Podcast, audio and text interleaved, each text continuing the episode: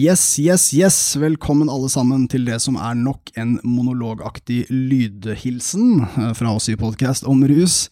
Eh, jeg er Buffert Fusk og håper dere har hatt en bra inngang til året 2023, som faktisk er rusens år, i likhet med det forrige og neste, ifølge den podkast om rusianske kalender. Per Ståle er dessverre ikke her nå, han er for tida i Harstad, der han er for å drive med isbading og å snakke dritt om Per-Willy Amundsen til barndomskompisene hans. Så da blir det bare meg som sitter her, Kjære lyttere, vi savner dere, men vi har jo så mye å gjøre, som nevnt før. Jeg veit det er gøy å høre oss si det, det er litt som en fyr som driver en blogg og skriver sånn 'nå kommer det snart noe gøy'. Alle elsker å lese sånt, og det er egentlig det jeg gjør nå, da. Fordi det kommer til å komme et par episoder i januar, og en av de kommer definitivt til å handle om det som har blitt lagt frem i dag. For nå er det en eh, slags merkedag, føler nå jeg. Eh, rolleforståelsesutvalget har nemlig levert sin rapport i dag. Det er 11.1. dette spilles inn, og det skal bli grundig dekka hos oss, skal jeg love deg. Vi må nesten ta en kjapp titt på denne rapporten, for uh, hva vitner vel mer om en redaksjon som har for dårlig tid til å lage episoder, enn at de rekker å skumlese en 316 siders rapport på knappe ti timer.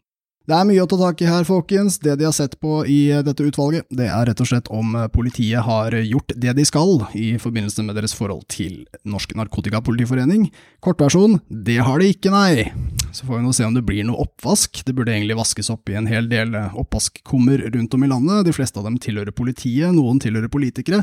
Men også noen mediehus sine oppvaskkummer burde nok skrubbes, og også alt de kan putte oppi der. Det er rett og slett ganske mange som trenger å ta seg en liten kikk i fagspeilet etter dagens rapport ble lagt frem. Vi tenkte å gå litt gjennom det som har blitt nevnt her i dag, og igjen, dette er en kompleks sak med jævlig mange aspekter, som er fint for oss, for da har vi jævlig mye å skravle om også, for de som gidder å bry seg om sånt. Takk til dere.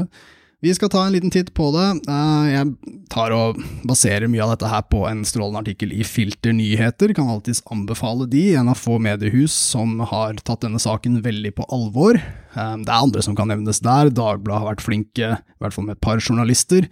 NRK har også gjort en betydelig jobb, men eh, utover det så syns jeg det er ganske mange som burde kjenne sin besøkelsestid, som det heter, unna det jeg vet helt hva det betyr. Først kan jeg jo nevne at eh, Narkotwitter har blitt omtalt i rapporten, og fortjent er det, for det var faktisk gravere fra Narkotwitter som klarte å produsere de første avsløringene, som ble sendt til media, og som da medførte til slutt at det ble en granskning. Så uten Narkotwitter ingen granskning, ingen politikritikk. Eh, jeg syns at det er noe vi skal påpeke her bare fordi det er en gruppering som gjerne kan flires litt av, fordi de har et artig navn. Men her er det altså lekfolk som har gjort journalistenes jobb, og de burde i høyeste grad få anerkjennelse for det. Det er mye bra info i rapporten. Jeg tenkte å nevne et lite punkt selv først. Det er altså om NNPF, som vi kjenner som en veldig narkotikapolitisk, ruspolitisk organisasjon. Eh, det viser seg at de ikke var så veldig ruspolitiske. De hadde faktisk eh, i mandatet sitt, eller i retningslinjene, at de ikke skulle jobbe ruspolitisk frem til sånn 2004-ish. Og da skjedde det en eller annen dreining som gjør at de har satsa veldig mye på det etterpå. Og det er egentlig det som er det kritikkverdige her, for hvis de ikke mente så veldig mye om politikk, så hadde heller ikke denne sammenblandingen med politiet vært såpass uh, alvorlig som den er. For det er det det handler om, også når vi skal gå gjennom artikkelen her. Eh, det er nemlig misbruk av politiautoritet som er det største problemet. Det er jo rolleblanding og rolleforståelse som står i fokus her. Det er mange historier i eh, granskningen som viser at NPF har kost seg litt med å bruke politiets uniform, og bruke det for å rett og slett gi eh, legitimitet til foreningen. Dette er noe politiet har tapt på, og foreningen tjent på. Det er mange historier som nevnes der, sånn sett er det kult å lese. Det er blant annet en historie om at uh, eh, NMPF, ifølge deres eget medlemsblad Motgift, gikk inn i en butikk i Haugesund 2006 og ba betjeningen fjerne produkter med marihuana-symboler og legaliseringsbudskap. Dette er noe de da skrøt av i medlemsbladet sitt etterpå, og da var de iført uniform. Dette er uh, en av mange eksempler på hvordan dette har vært uh, gøy for foreningen og dårlig for politiet. Utvalget har vært grundige som bare det. Artikkelen, unnskyld, rapporten er som sagt dritlang. Så det er mye å kose seg med der, hvis du er en rusnerd som oss. Ellers kan vi jo nevne at eh, det er ganske mye om dette med økonomi. Eh, NMPF har jo fått penger fra politiets driftsbudsjett, og rett og slett lagt igjen spor om at de har vært veldig nært knyttet til enkelte med mye beslutningsmuligheter i politietaten. Der hadde det vært fint om det var noen som kanskje fikk litt refs, og kanskje også fikk litt sparken, men vi får jo regne med at Noen konsekvenser bør det jo bli, med tanke på at vanlige mennesker, vanlige borgere som gjør feil og bryter loven, stort sett må stå til rette for det. Skjønner at man skal få litt rabatt med det man jobber med, men herregud, da. Det er nok av overføringer fra politiets eh, budsjetter til NMPF som er kritikkverdige. De har vi jo også vært innom før, men uh, her er de altså godt dokumentert. Det er også flere punkter om økonomi, hvordan NPF har fått penger fra medlemmene sine, fra deres arbeidsgivere. Det er poenger gjort om at eh, det ikke har vært noen form for kritiske refleksjoner fra politiledelsen. Det er verdt å huske nå i dag, hvor det har vært massevis av politifolk som sier at ja, nei, men vi har visst om dette lenge, og vi har for lengst tatt grep, og ja, nei, men det ser jo ikke så veldig sånn ut, da, og det har jo gått ganske lang tid med dette uten at noen gjorde en dritt, så la dem ikke sette narrativet om at politiet har vært skeptiske underveis, de har vært veldig ukritiske. Eh, det har vært varsler påpekt også i utvalgets rapport. Eh, for allerede 22 år siden så var det en ekspedisjonssjef i Justisdepartementets politiavdeling, han het Vidar Refvik, som advarte mot rolleblanding i et eget brev han sendte eh, når han avslo driftsstøtte til NMPF. Og uh, han, han, har jo fått sin liten redemption i dag, om noen bare hadde hørt på Vidar, eller oss, eller veldig mange andre, så kunne det hende at dette ikke hadde gått så veldig langt. Vi har jo også dette poenget med at navnet deres er problematisk, og der har jo også i dag Benedicte Bjørnland sagt til eh, NRK at hun uh, absolutt mener de kanskje burde vurdere å bytte navn. Hun har også mener å ha fått signaler om at det er noe de vil vurdere. NMPF selv svarer til det at de har nedsatt et utvalg for å vurdere det, som er, det er utvalgsesong nå for tiden. Men altså, de har også påpekt at de ikke kan love det, fordi det finnes jo mange andre foreninger som også har politi i navnet, av eh, politiets organisasjoner. Det finnes flere, men eh, jeg tror det er en grunn til at vi ikke har hørt om de andre så veldig mye. Så hvis det er noen som skal bytte navn, så er det vel denne gjengen her. Det er også en del spørsmål om dette med politiets tvangsmiddelbruk. I dag på Dagsnytt 18 så var det sterk vilje til å ikke blande disse sakene sammen, men det gjør utvalget i sin rapport. Der slås det nemlig fast at uh, politiet har tillatt at NMPF har fått sette agendaen på veldig mye faglig, og det inkluderer også opplæring av politifolk på Politihøgskolen. Der kan rett og slett norske politistudenter ha fått lære å bryte loven av NMPF-medlemmer, som også er ansatt i politiet eller på skolen, men det her er altså en link mellom de to ganske alvorlige sakene, der det først kom frem via Riksadvokaten at eh, politiet har brutt loven i overdreven kontrollsammenheng mot brukere, og nå ser vi også at NMPF spiller en betydelig rolle der, og at politiet igjen skulle ha oppdaget dette, tatt grep og gjort noe med det.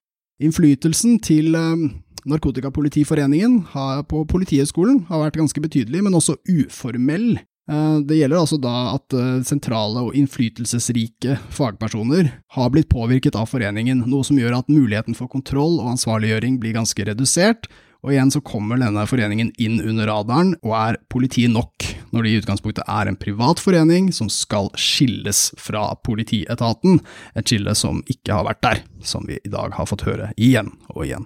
Det har vært flere varslere, det var en lektor som tidligere varslet om Politihøgskolens tette bånd til foreningen, det ble ikke hørt. NMPF skal ha brukt Politihøgskolen som en garantist.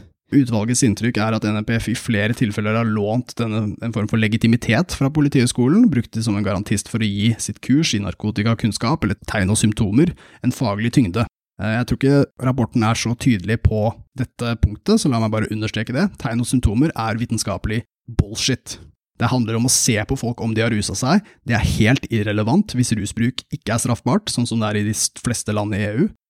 Vitenskap er det i hvert fall ikke, og kan, så lenge ikke metoden kan skilles fra Altså, så lenge den forveksles med helt vanlige symptomer, når man ser folk i øya og så sier man du har tatt amfetamin fordi du har så rare øyne, så kan de alltids være syke, og derfor er dette en metode som vel på det verste er rett og slett lagd for å plage mennesker på veldig tynt grunnlag, men på det beste ikke vitenskapelig.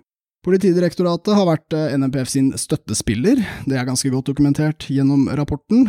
Det er såpass mange detaljer knytta til det, men igjen så er nok det mye av grunnen til at politiet ikke har vært kritiske nok, det er fordi at de ansetter ansett NMPF nesten som en slags underavdeling, i hvert fall gode kompiser. Det har også medført at det har vært et dårlig ytringsklima. Vi har jo vært innom det på vår podkast, der vi stort sett bitcher om det ganske ofte. Vi syns jo det burde være en litt kulere, friere rusdebatt i Norge. Vi jobber jo under pseudonym, for eksempel, og noe av grunnen til det er jo at vi frykter for våre egne karrierer og den slags. Nå er det jo veldig mange i eh, debatten også, blant annet de få politiansatte, som Bård Dyrdal, som har påpekt at ytringsklimaet er veldig, veldig vanskelig, og får veldig mye negativ tilbakemelding, og antall politistemmer som har uttalt seg kritisk om dagens ruspolitikk, er forsvinnende lavt sammenlignet med andre. Så det at denne posisjonen til foreningen har vært så sterk, både faglig og ruspolitisk, det har bidratt veldig sterkt til å stilne motstemmer, skriver da utvalget. Så er det sammenblandingen av fag og politikk, da. Eh, utvalget syns det er relevant å stille spørsmål om politiet burde ha gjennomført eller organisert opplæringen og kompetanseutviklingen for sine egne ansatte, et av flere eksempler på hvordan politiet burde gjort jobben sjæl, men faktisk har gitt NMPF ansvar for ting de selv skal styre, hvis vi har, du vet, et demokrati. Mer om at de har bidratt i opplæring, står det også om i eh, Filter Nyheter sin artikkel. Det er også påpekt dobbeltrollene i media, hvordan man av og til da stiller opp i politiuniform, andre ganger i bry deg-genser eller andre NMPF-effekter. Litt sånn etter hva som passer, og hva som fremstår strategisk. Det må også understreke at dette er et punkt som foreningen har benektet i veldig stor grad, sagt ja, men det har vel skjedd sånn én gang eller noe. Uh, hvis man da tar en liten titt på Twitter, Narkotwitters gjeng, så tror jeg man kan finne i hvert fall 50-60 bilder fra nyhetsreportasjer hvor denne blandinga med uniformbruk er betydelig dokumentert. Det er også um, påpekt av uh, utvalget at de har hatt mektige støttespillere i politiet. Der har også riksadvokatene i Norge stort sett alltid vært medlemmer av foreningen, alle sammen, siden den ble stifta i 1991, Riksadvokat Tor Aksel Busch har blitt utnevnt som æresmedlem i foreningen, det var vår forrige riksadvokat, før Mauru, som sitter nå. Det har vært velkomsttale på konferansene deres som alltid har blitt holdt av politimesteren i distriktet der hvor de holder konferansen, så de har jo da vist at de har alle slags politimestere på laget. Legitimiteten igjen kommer fra politiet til foreningen, som raker inn cash og begrenser debatten. Det er mye detaljer også om den økonomiske støtten som har vært med. Det viser seg at i 2005 for eksempel fikk 63% av de ansatte dekket hele konferanseavgiften, mens bare 9% dekket hele avgiften på egen hånd. Det betyr at politiet ender opp med å betale NMPF for konferansen som NMPF eh, da får inntekt fra. På den måten så går skattepengene våre rett inn i lomma på NMPF, litt sånn som de gjør når de får støtte fra Helsedirektoratet basert på antall medlemmer, etter å ha sagt at du må være medlem for å delta på konferansen. Dette er metoder foreningen har brukt for å sikre sin egen økonomiske trygghet. Vi kommer ikke unna å nevne det at det også har vært ganske sjokkerende nok et eh, kompetansebasert lønnssystem i politiet, hvor man rett og slett får poeng som kan bidra til eh, forfremmelse og andre fordeler, rett og slett at man får erfaring og kompetanse ved for eksempel å delta på fagkonferansene til NMPF.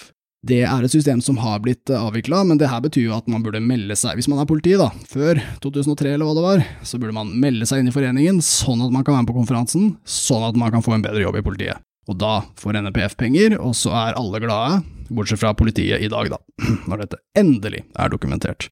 Så er det det også at NPF har fått penger eh, i en slags dobbeltrolle. Altså, dobbeltrollen er ikke bare eh, at NPF er både privat organisasjon og politi litt sånn samtidig, de har også hatt flere hatter på seg angående hva slags forening de er. Eh, foreningene har fått penger av politiet fordi de oppfattes som en fagorganisasjon, og de har fått penger fra Helsedirektoratet og private aktører fordi de oppfattes som en politisk organisasjon. Det har jo, som tidligere nevnt, vært sånn at NMPF har satset mer ruspolitisk etter hvert, og man skal ikke se helt bort ifra det kan være fordi de har da fått mer støtte, eller kunnet søke støtte fra andre kanaler.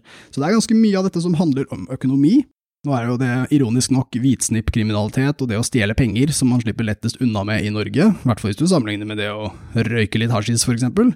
Det har litt å gjøre med at det er veldig spennende å ta hasjrøykere, og veldig vanskelig å etterforske disse rikingene som stjeler penger. Men her er det altså en rapport å kose seg med for alle som gidder å bla gjennom det, det har i hvert fall vært en del mediedekning i dag. Jeg håper denne poteten holder seg varm, som det heter, for her er det veldig mye å ta tak i.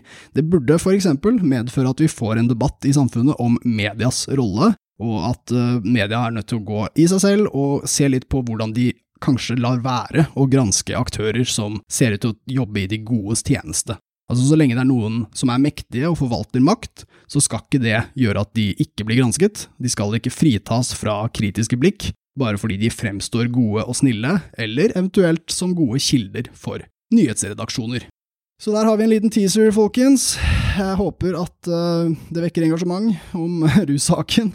Hadde ikke dere hatt det, så hadde dere sikkert ikke hørt på meg nå uansett. Men uh, vi gleder oss til å lage nye episoder for dere. Vi gleder oss veldig til å følge opp saken videre. Vi gleder oss til det kommer en bok om dette her i uh, april, mai, juni-ish en gang og håper dere alle sammen har et strålende rusens år 2023 frem til vi hører fra oss igjen. Og så må jeg bare si skibribap, vi snakkes på den.